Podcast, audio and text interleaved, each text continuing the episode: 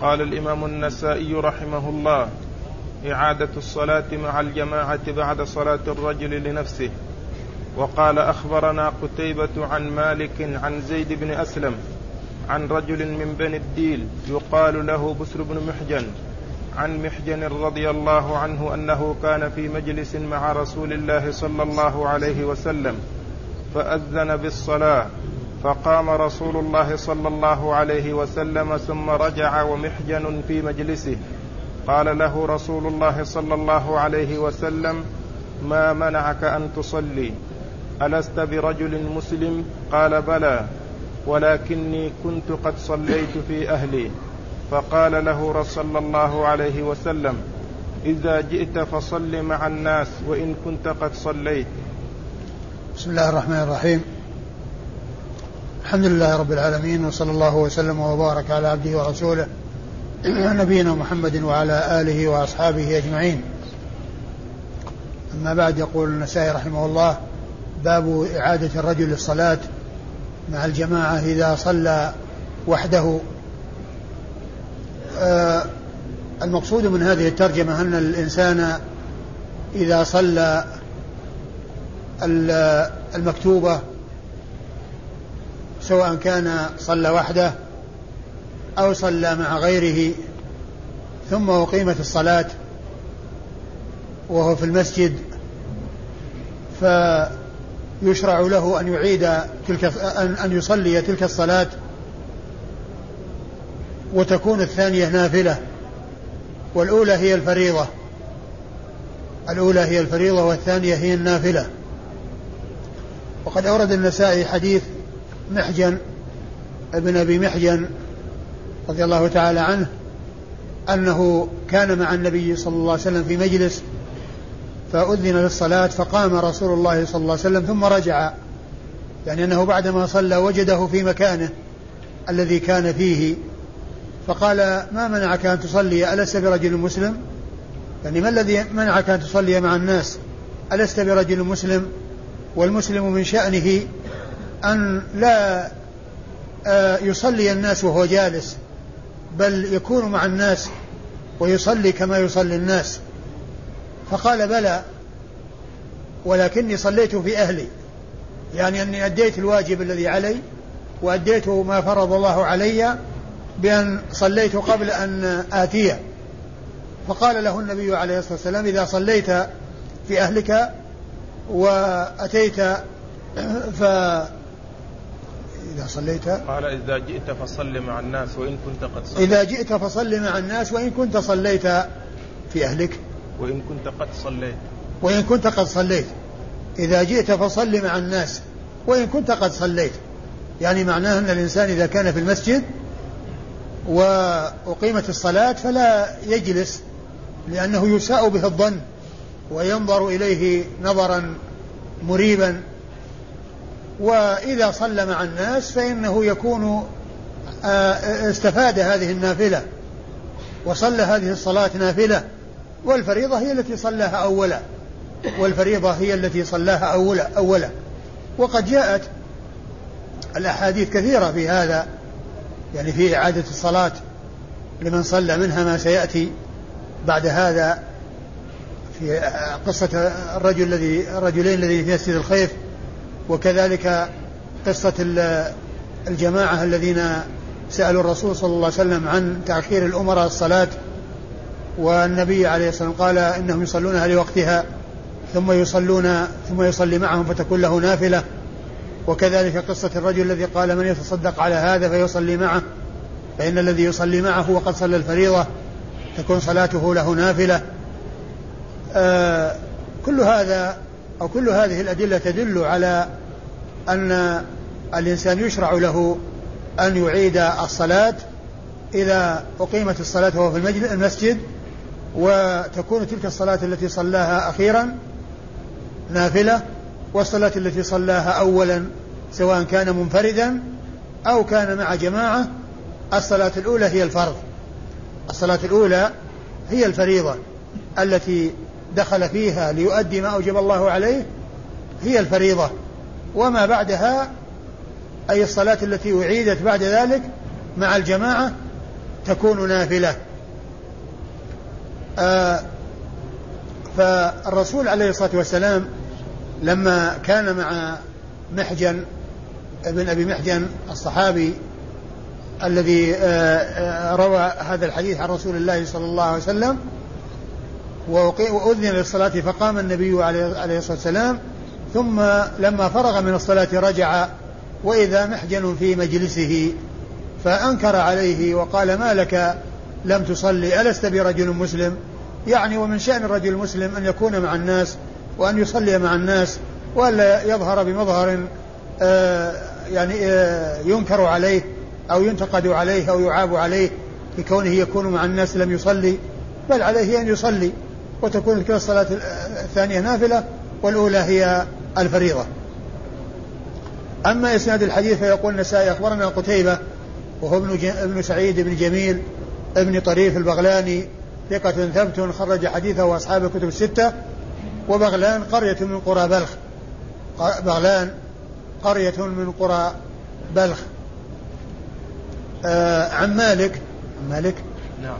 عن مالك وهو ابن أنس إمام دار الهجرة المحدث الفقيه الإمام المشهور أحد أصحاب المذاهب الأربعة مذاهب أهل السنة المشهورة التي آه، آه، حصل لأصحابها أتباع وأصحاب عنوا بجمعها وتنظيمها وترتيبها والتأليف فيها فصار لها الحفظ وإن كان هناك مذاهب لأئمة آخرين مثل هؤلاء الأربعة قبلهم وفي زمنهم وبعدهم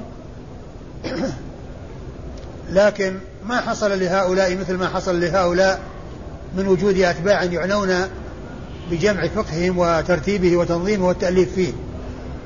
وحديث الإمام مالك أخرجه أصحاب الكتب الستة. أخرجه أصحاب الكتب الستة. يروي عن زيد بن أسلم المدني وهو ثقة خرج حديثه أصحاب الكتب الستة أيضا. عن بسر عن رجل من بني الديل اسمه بسر بن محجن وهو آه، صدوق خرج له النسائي وحده. صدوق خرج له النسائي وحده. يروي عن أبيه محجن يروي عن آه، أبي آه، لك بشر؟ أي نعم. بشر بن بشر بن محجن بشر بن محجن يروي عن أبيه محجن وهو محجن بن أبي محجن صحابي قليل الحديث. خرج حديثه النسائي وحده. صحابي قليل الحديث. خرج له النسائي وحده. قال إعادة الفجر مع الجماعة لمن صلى وحده. وقال أخبرنا زياد بن أيوب قال حدثنا هشيم قال حدثنا يعلى بن عطاء قال أخبرنا جابر, جابر بن يزيد بن الأسود العامري عن أبيه رضي الله عنه.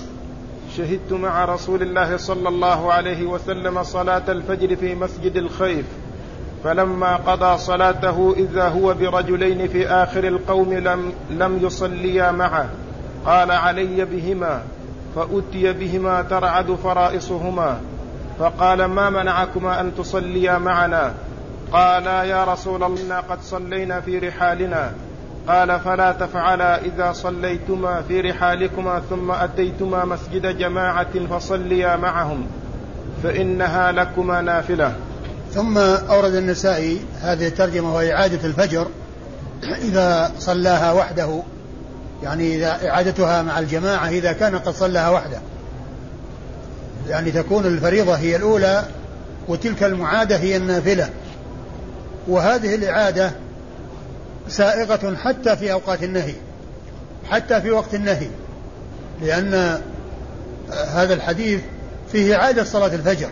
ومعلوم أن, أن الذي صلى الفجر وقع في وقع حصل في وقت النهي. يعني معناه لا لا صلاة بعد الفجر حتى تطلع الشمس وهو قد صلى الفجر. لكن هذه مستثنات هذا مما جاءت به السنة على أنه مستثنى أي أن الصلاة المعادة مع الجماعة وهي نافلة أنها سائغة وأنه لا مانع منها وإنما الممنوع أن يكون الإنسان يتطوع ويتنفل بعد صلاة الفجر فإنه لا يسوغ له ذلك حتى تطلع الشمس. لكن يستثنى من ذلك إعادة الجماعة. إعادة الجماعة إذا أعيدت إذا صليت الجماعة إذا وجد جماعة وقد صلى وفي المسجد فإنه يصلي معهم وتكون له نافلة. وهذا يدل على أن إعادة الصلاة جماعة لمن صلى أنها سائغة ولو كان ذلك في وقت النهي يعني سواء كان في بعد العصر أو بعد الفجر لأن الحديث ورد في الفجر. والوقت بعد الفجر منهي عنه ولكن هذا استثني من النهي. فيكون هذا مستثنى من النهي في قوله لا صلاة بعد العصر حتى تغرب الشمس. استثنى من ذلك من صلى مع الجماعة التي آآ آه، آآ آه، آه، مع, مع الجماعة وقد صلى فرضه قد صلى الفرض قبل وجود هذه الجماعة فإنه يعيدها معهم وتكون له نافلة. فيكون من من التنفل السائغ الذي هو استثني استثني من المنع من الصلاة بعد الفجر ومن الصلاة بعد العصر. والنسائي رحمه الله أورد في هذه الترجمة حديث آه، حديث يزيد بن الأسود العامري أنه صلى مع الرسول صلى الله أنه كان آه، صلى مع الرسول صلى الله عليه وسلم في مسجد الخيف. يعني وكان ذلك في حجة الوداع في منى. مسجد الخيف بمنى وكان ذلك في حجة الوداع. فلما صلى فرغ من صلاته وإذا اثنان قد جلس ناحية في المسجد لم يصليا فدعا بهما طلب أن يحضر إليه فأتي بهما ترعد فرائصهما ترتعد فرائصهما. والفريصة هي آه، اللحمة التي تقع بين الكتف والجنب ويحصل ذلك عند الفزع. عندما يفزع الإنسان ويكون عنده فزع ترتعد تلك اللحمة التي أو القطعة التي تكون بين الكتف والجنب يحصل تحركها واضطرابها بسبب الخوف والذعر والفزع الذي يحصل للإنسان. فأتي بهما ترتعد فرائصهما. ومن المعلوم أن الناس كانوا محرمين في ذلك الوقت. و والفرائص بادية وظاهرة ويتبين تحركها واضطرابها تحركها واضطرابها وذلك من شدة الفزع لأنه من خشي أن يكون حصل آه، آه، لهما أمر يعني يسوءهما وأنه نزل فيهما شيء فحصل لهما ذعر وخوف. يعني لماذا دعا بهم الرسول صلى الله عليه وسلم بعد أن سلم وأتي بهما إليه؟ فلما جاء إليه سألهما قال ما لكم لم تصليا؟ قال إن يا رسول صلينا في رحالنا. قال إذا صليتما في رحالكما وأتيتما والإمام لم يصلي فصليا معه. تكن لكما نافلة. تكن لكما نافلة. فدل هذا على إعادة الصلاة. ولو كان ذلك في وقت النهي ولو كان ذلك في وقت النهي وأن ذلك سائغ وجائز وقد جاءت به السنة عن رسول الله صلوات الله وسلامه وبركاته عليه. أما إسناد الحديث فيقول النسائي أخبرنا زياد بن أيوب. أخبرنا زياد بن أيوب وهو البغدادي لقبه دلوية وهو ثقة آه وصفه أحمد بأنه شعبة الصغير شعبة الصغير وذلك لحفظه. وأخرج حديثه البخاري. أبو داود والترمذي والنسائي. البخاري؟ نعم. البخاري وأبو داود والترمذي والنسائي. البخاري وأبو داود والترمذي والنسائي. ما خرج له مسلم ولا ابن ماجه. وإنما خرج له آآ آآ البخاري من صاحبي الصحيح وأصحاب السنن الأربعة ما عدا ابن ماجه فإنه لم يخرج له شيئا. هذا زياد بن أيوب البغدادي. حدثنا هشيم. حدثنا هشيم. وهشيم هو بن بشير الواسطي. ثقة ثبت. يدلس يرسل ويدلس تدليس تدليس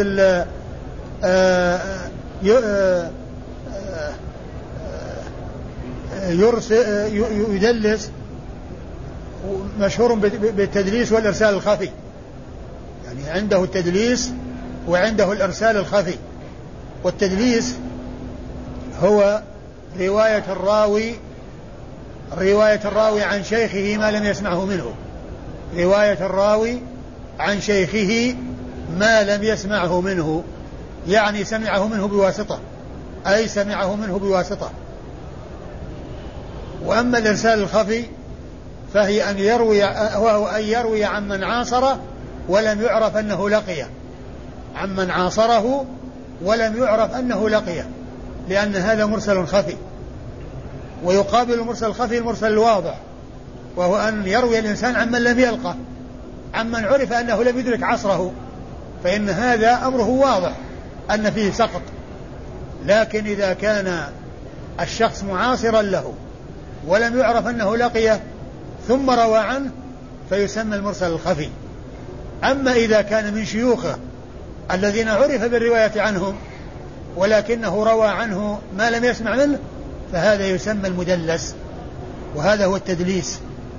فالفرق بين التدليس والإرسال الخفي أن التدليس يختص بمن عرف بمن روى عن من عرف لقاؤه إياه. أما أما أما إن عاصره ولم يعرف أنه لقيه فهذا هو المرسل الخفي. وهشيم بن بشير الواسطي عنده التدليس وعنده الإرسال الخفي. وحديثه أخرجه أصحاب الكتب الستة. يروي. حدثنا يعلى بن عطاء. حدثنا يعلى بن عطاء. يعلى بن عطاء الطائفي وهو ثقة خرج حديثه. البخاري في جزء القراءة. البخاري في جزء القراءة ومسلم وأصحاب السنن الأربعة. البخاري في جزء القراءة ومسلم وأصحاب السنن الأربعة. عن جابر بن يزيد بن الأسود. عن جابر بن يزيد بن الأسود العامري. وهو صدوق خرج له أبو داود والترمذي والنسائي. صدوق خرج له أبو داود والترمذي والنسائي. يروي عن أبيه يزيد بن الأسود العامري آه، صاحب رسول الله عليه الصلاة والسلام وحديثه أخرجه أيضا أبو داود والترمذي والنسائي. يعني أعني أن الذين رووا عن ابنه هم الذين الذين خرجوا لابنه هم الذين خرجوا له أبو داود والترمذي والنسائي. ما خرج لهما الشيخان البخاري ومسلم ولا ابن ماجه. نعم.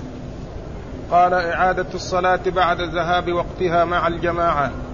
وقال وذكر وذكر مسجد الخيف يعني يفيد بأن الزمن متأخر وأن هذا الذي حصل في حجة الوداع. يعني معناه أنه هذه الحادثة وهذا الحكم وهذا التشريع متأخر فلا يعني يكون منسوخا.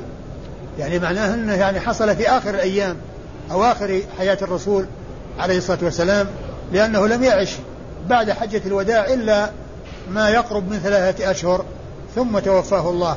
صلوات الله وسلامه وبركاته عليه. فذكر الشيء وذكر تأخره يفيد أنه محكم وأنه لا يكون منسوخا. قال إعادة الصلاة بعد ذهاب وقتها مع الجماعة. وقال أخبرنا محمد بن عبد الأعلى ومحمد بن إبراهيم بن صدران واللفظ له عن خالد بن الحارث. قال حدثنا شعبة عن بديل.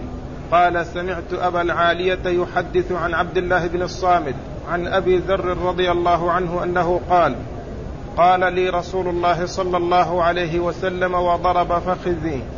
كيف أنت إذا بقيت في قوم يؤخرون الصلاة عن وقتها؟ قال ما تأمر. قال صل الصلاة لوقتها ثم اذهب لحاجتك فإن أقيمت الصلاة وأنت في المسجد فصل ثم أورد النسائي إعادة الصلاة إعادة الصلاة جماعة بعد خروج وقتها؟ إعادة الصلاة بعد ذهاب وقتها مع الجماعة. إعادة الصلاة بعد ذهاب وقتها مع الجماعة. آه هذه الترجمة يعني آه تفيد أو تدل على أن الإنسان إذا صلى الفريضة إذا صلى الفريضة في وقتها ثم وجد جماعة تصلي أو يعني آه، آه، جماعة يصلون ولو كان أداؤهم للصلاة بعد خروج الوقت أي أنه قضاء فإنه يشرع للإنسان أن يصلي معهم وتلك الصلاة له نافلة. وهذا على القول بأن تأخيرهم عن خروج الوقت وأنه بعدما خرج الوقت فتكون الصلاة مقضية وليست مؤدات قيل ويحتمل أن تكون أخرت عن وقتها المندوب أي الأولى بأن أخرت إلى آخر وقتها الاختياري. بمعنى أن الوقت المندوب الذي هو أول وقت أخرت عنه والإنسان يصليها في أول وقتها ولا يؤخرها يؤخرها لكنه إذا أدرك الصلاة أو إذا وجدت الجماعة بعد ذلك في آخر الوقت أي بعد ذهاب الوقت المندوب فإنه يصلي معهم وتكون نافلة. لكن النسائي ترجمته تفيد بأنه يرى أن المقصود من ذلك بعد خروج الوقت لأنه قال بعد خروج وقتها يصليها مع الجماعة إذا إذا إذا, إذا وجدت بعد خروج وقتها فإنه يعيدها معهم ويصليها معهم والصلاة الأولى هي آه هي النافلة. آه وقد أورد النسائي حديث أبي ذر رضي الله عنه الذي سبق أن مر قال كيف بك؟ وقد ضرب يد بيده على فخذه أي فخذ أبي ذر. كيف بك إذا آه صرت أو آه استعمل عليكم أمراء يؤخرون الصلاة عن وقتها؟ قال فماذا تأمرون قال صل الصلاة لوقتها ثم إذا ثم اذهب لحاجتك. ثم اذهب لحاجتك؟ لحاجتك فإن أقيمت الصلاة وأنت في المسجد. فإن أقيمت الصلاة وأنت في المسجد فصلي. صلي. صلي نعم. فإن أقيمت الصلاة وأنت في المسجد فصلي. يعني معناه أنه يصلي معهم يصلي معهم وتكون تلك الصلاة المعادة نافلة والأولى هي الفريضة. والنبي صلى الله عليه وسلم أرشد إلى هذا لما فيه من اجتماع الكلمة. لما فيه من اجتماع الكلمة. يعني والصلاة وراء الأمراء. إسناد؟ أخبرنا محمد بن عبد الأعلى. أخبرنا محمد بن عبد الأعلى وهو بصري ثقة خرج حديثه مسلم وأبو داود في كتاب القدر والترمذي والنسائي وابن ماجه. والترمذي والنسائي وابن ماجه. ومحمد, ومحمد بن إبراهيم بن صدران. محمد بن إبراهيم بن صدران وهو ثقة وهو صدوق خرج حديثه أبو داود والنسائي. أبو داود والترمذي والنسائي. أبو داود والترمذي والنسائي. صدوق خرج حديثه أبو داود والترمذي والنسائي. ما خرج له ابن ماجه ولا الشيخان. قال واللفظ له. قال واللفظ له أي أن اللفظ المذكور هو للشيخ الثاني. اللفظ المذكور هو للشيخ الثاني الذي هو الذي هو محمد بن إبراهيم بن صدران أي اللفظ ليس لمحمد بن عبد الاعلى الأول وإنما هو للثاني من الشيخين. نعم. عن خالد بن الحارث. عن خالد بن الحارث وهو ثقة ثبت خرج حديثه أصحاب الكتب الستة. حدثنا شعبة. حدثنا شعبة هو ابن الحجاج أمير المؤمنين في الحديث وهي من أعلى صيغ التعديل وحديثه أخرجه أصحاب الكتب الستة. عن بديل. عن بديل عن بديل نعم. وهو ابن وهو ابن ميسرة العقيلي. بديل بن ميسرة العقيلي وهو ثقة خرج حديثه مسلم وأصحاب السنن الأربعة. مسلم وأصحاب السنن الأربعة. بديل بن ميسرة العقيلي. أيوه. قال سمعت أبا العالية يحدث. قال سمعت أبا العالية وهو البراء. يعني آآ آآ سبق أن مر ذكره واختلف وهو مشهور بكنيته. وقد اختلف في اسمه على عدة أقوال وهو غير أبو العالية الرياحي الذي هو نفيع فإن هذا شخص آخر. وأبو العالية البراء آآ آآ ثقة خرج حديثه البخاري ومسلم والنسائي. البخاري ومسلم والنسائي. عن عبد الله بن الصامت. عن عبد الله بن الصامت. وهو الغفاري البصري وهو ثقة خرج حديثه البخاري تعليقا. البخاري تعليقا ومسلم وأصحاب السنن الأربعة. البخاري تعليقا ومسلم وأصحاب السنن الأربعة. عن أبي ذر وهو جندب بن جنادة صاحب رسول الله صلى الله عليه وسلم وحديثه عند أصحاب الكتب الستة. قال سقوط الصلاة عمن صلى مع الإمام في المسجد جماعة. وقال أخبرنا إبراهيم بن محمد التيمي قال حدثنا يحيى بن سعيد عن حسين المعلم عن عمرو بن شعيب عن سليمان مولى ميمونة قال رأيت ابن عمر رضي الله عنهما جالسا على البلاط والناس يصلون. قلت يا أبا عبد الرحمن ما لك لا تصلي؟ قال إني قد صليت. إني سمعت رسول الله صلى الله عليه وسلم يقول لا تعاد الصلاة في يوم مرتين. ثم أورد النسائي هذه الثانية وهي سقوط الجماعة عمن صلى مع الإمام مع مع مع من صلى. سقوط الصلاة عمن صلى مع الإمام في المسجد جماعة. سقوط الصلاة عمن صلى مع الإمام في المسجد جماعة. يعني معناه أنه إذا أدى الفرض في المسجد مع الإمام فإنه لا يصلي أو لا يلزمه صلاة, صلاة أخرى. وذلك و, وأورد النسائي حديث ابن عمر رضي الله تعالى عنه أنه كان يصل أنه كان الناس يصلون في البلاط وهو مكان خارج المسجد يعني بجوار المسجد وهو قد صلى في المسجد قد صلى في المسجد مع الإمام ثم خرج وجلس في هذا المكان الذي هو البلاط الذي خارج المسجد والناس يصلون في البلاط. والناس يصلون في البلاط وهو ما يصلي معهم. فقال له سليمان بن يسار مولى ميمونة ما لك يا أبا عبد الرحمن لا تصلي؟ ما لك يا أبا عبد الرحمن لا تصلي؟ يعني ما والناس يصلون. قال إنه آه إن إنه, إنه قد صلى. ثم قال إني سمعت رسول الله صلى الله عليه وسلم يقول لا تعاد صلاة في يوم مرتين. والمقصود من ذلك أنه لا يلزمه الإعادة. ثم أيضا آه، هذه الصلاة ليست في المسجد وإنما هي خارج المسجد. والأحاديث التي وردت أن الإنسان يعني عليه أن يعيد الصلاة إذا وجدت الجماعة هو في المسجد أو جماعة المسجد تصلي وهو قد صلى فإنه يصلي معهم. أما إذا إذا حصلت الصلاة في المسجد ثم وجدت جماعات أخرى يعني آه خارج المسجد أو في داخل المسجد فإنه لا يلزمه. ولكن الأولى له إذا كان في المسجد أن يصلي ولا يكون مع الناس جالسا والناس يصلون. لكن آه، إذا كانت غير الجماعة الأولى وأعيدت فله أن يصلي.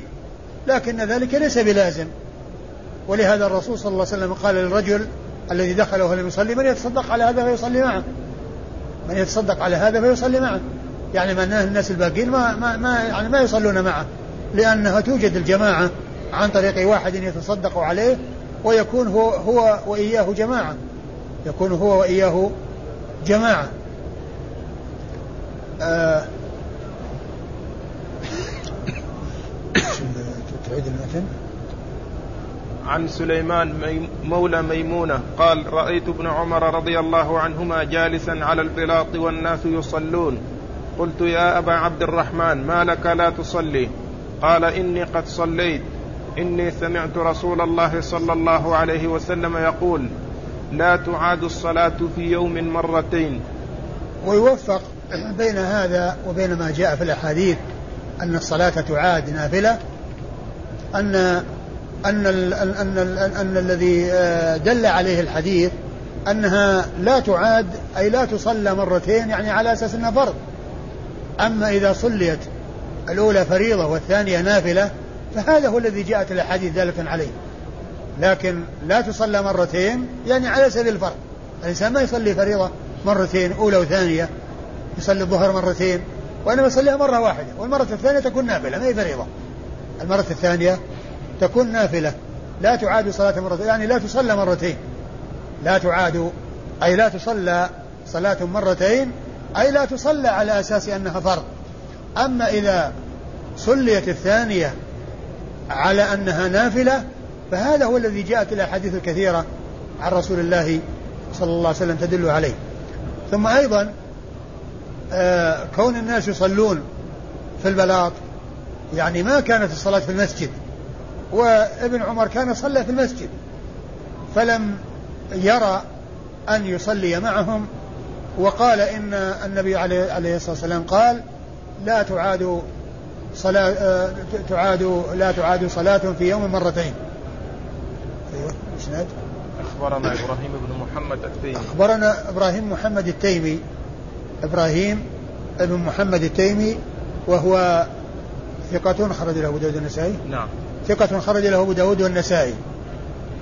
حدثنا يحيى بن سعيد. حدثنا يحيى بن سعيد هو القطان المحدث الناقد آه المعروف كلامه في الجرح والتعديل وهو آه حديثه عند أصحاب الكتب الستة.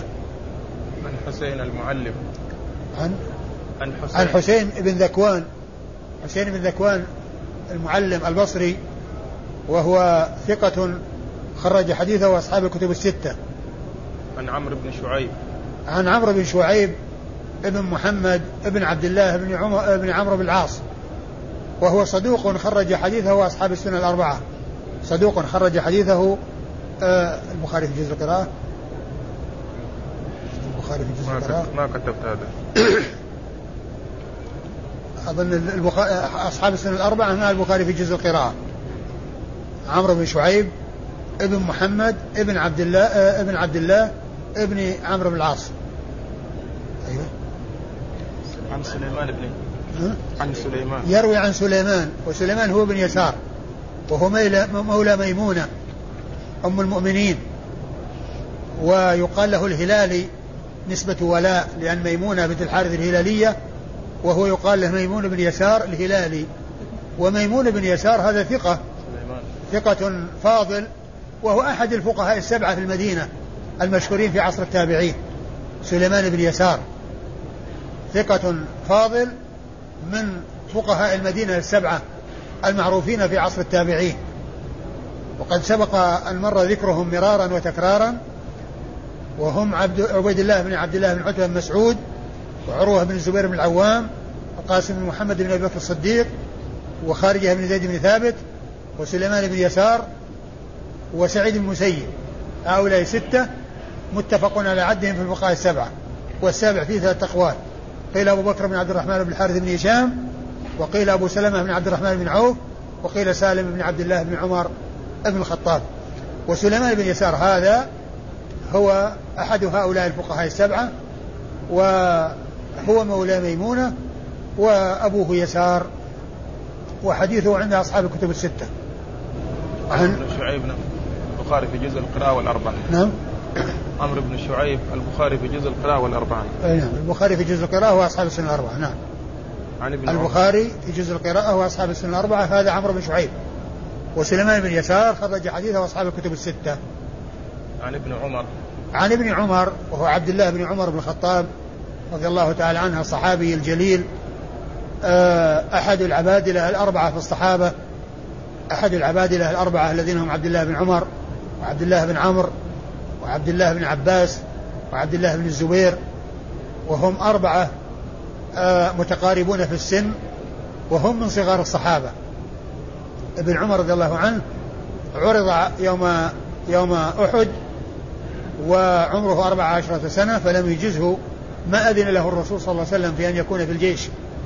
وبعد ذلك لما بلغ عمره خمس عشرة سنة أجازه فصار من ضمن الجيش. المجاهد في سبيل الله عز وجل. وابن الزبير هو أول مولود ولد في بعد الهجرة عند الهي... لما هاجر الرسول, صلى الله عليه وسلم وأصحابه ولدت به أمه أسماء بنت أبي بكر في قباء في أول وصول الرسول صلى الله عليه وسلم وأصحابه إلى المدينة. وابن عباس في حجة الوداع ناهز الاحتلام. وعبد الله بن عمرو أيضا كذلك. من صغار الصحابة فهم أربعة من صغار الصحابة متقاربون في السن. وقد أدركهم آه الكثير من التابعين. ممن لم يدرك ابن مسعود وابن مسعود ليس منهم. لأنه متقدم الوفاة. إذ كانت وفاته سنة 32 والعبادة الأربعة كانوا في زمن متقارب وهم من صغار الصحابة وأدركهم الكثير من التابعين ممن لم يدركوا ابن مسعود رضي الله تعالى عن الجميع. وعبد الله بن عمر أيضا هو أحد السبعة المعروفين بكثرة الحديث عن رسول الله عليه الصلاة والسلام من أصحابه الكرام والذين قال فيهم السيوطي والمكثرون في رواية الأثر أبو هريرة يليه بن عمر وأنس والبحر كالخدري وجابر وزوجة النبي. والله تعالى أعلم وصلى الله وسلم وبارك على عبده ورسوله نبينا محمد وعلى آله وأصحابه أجمعين.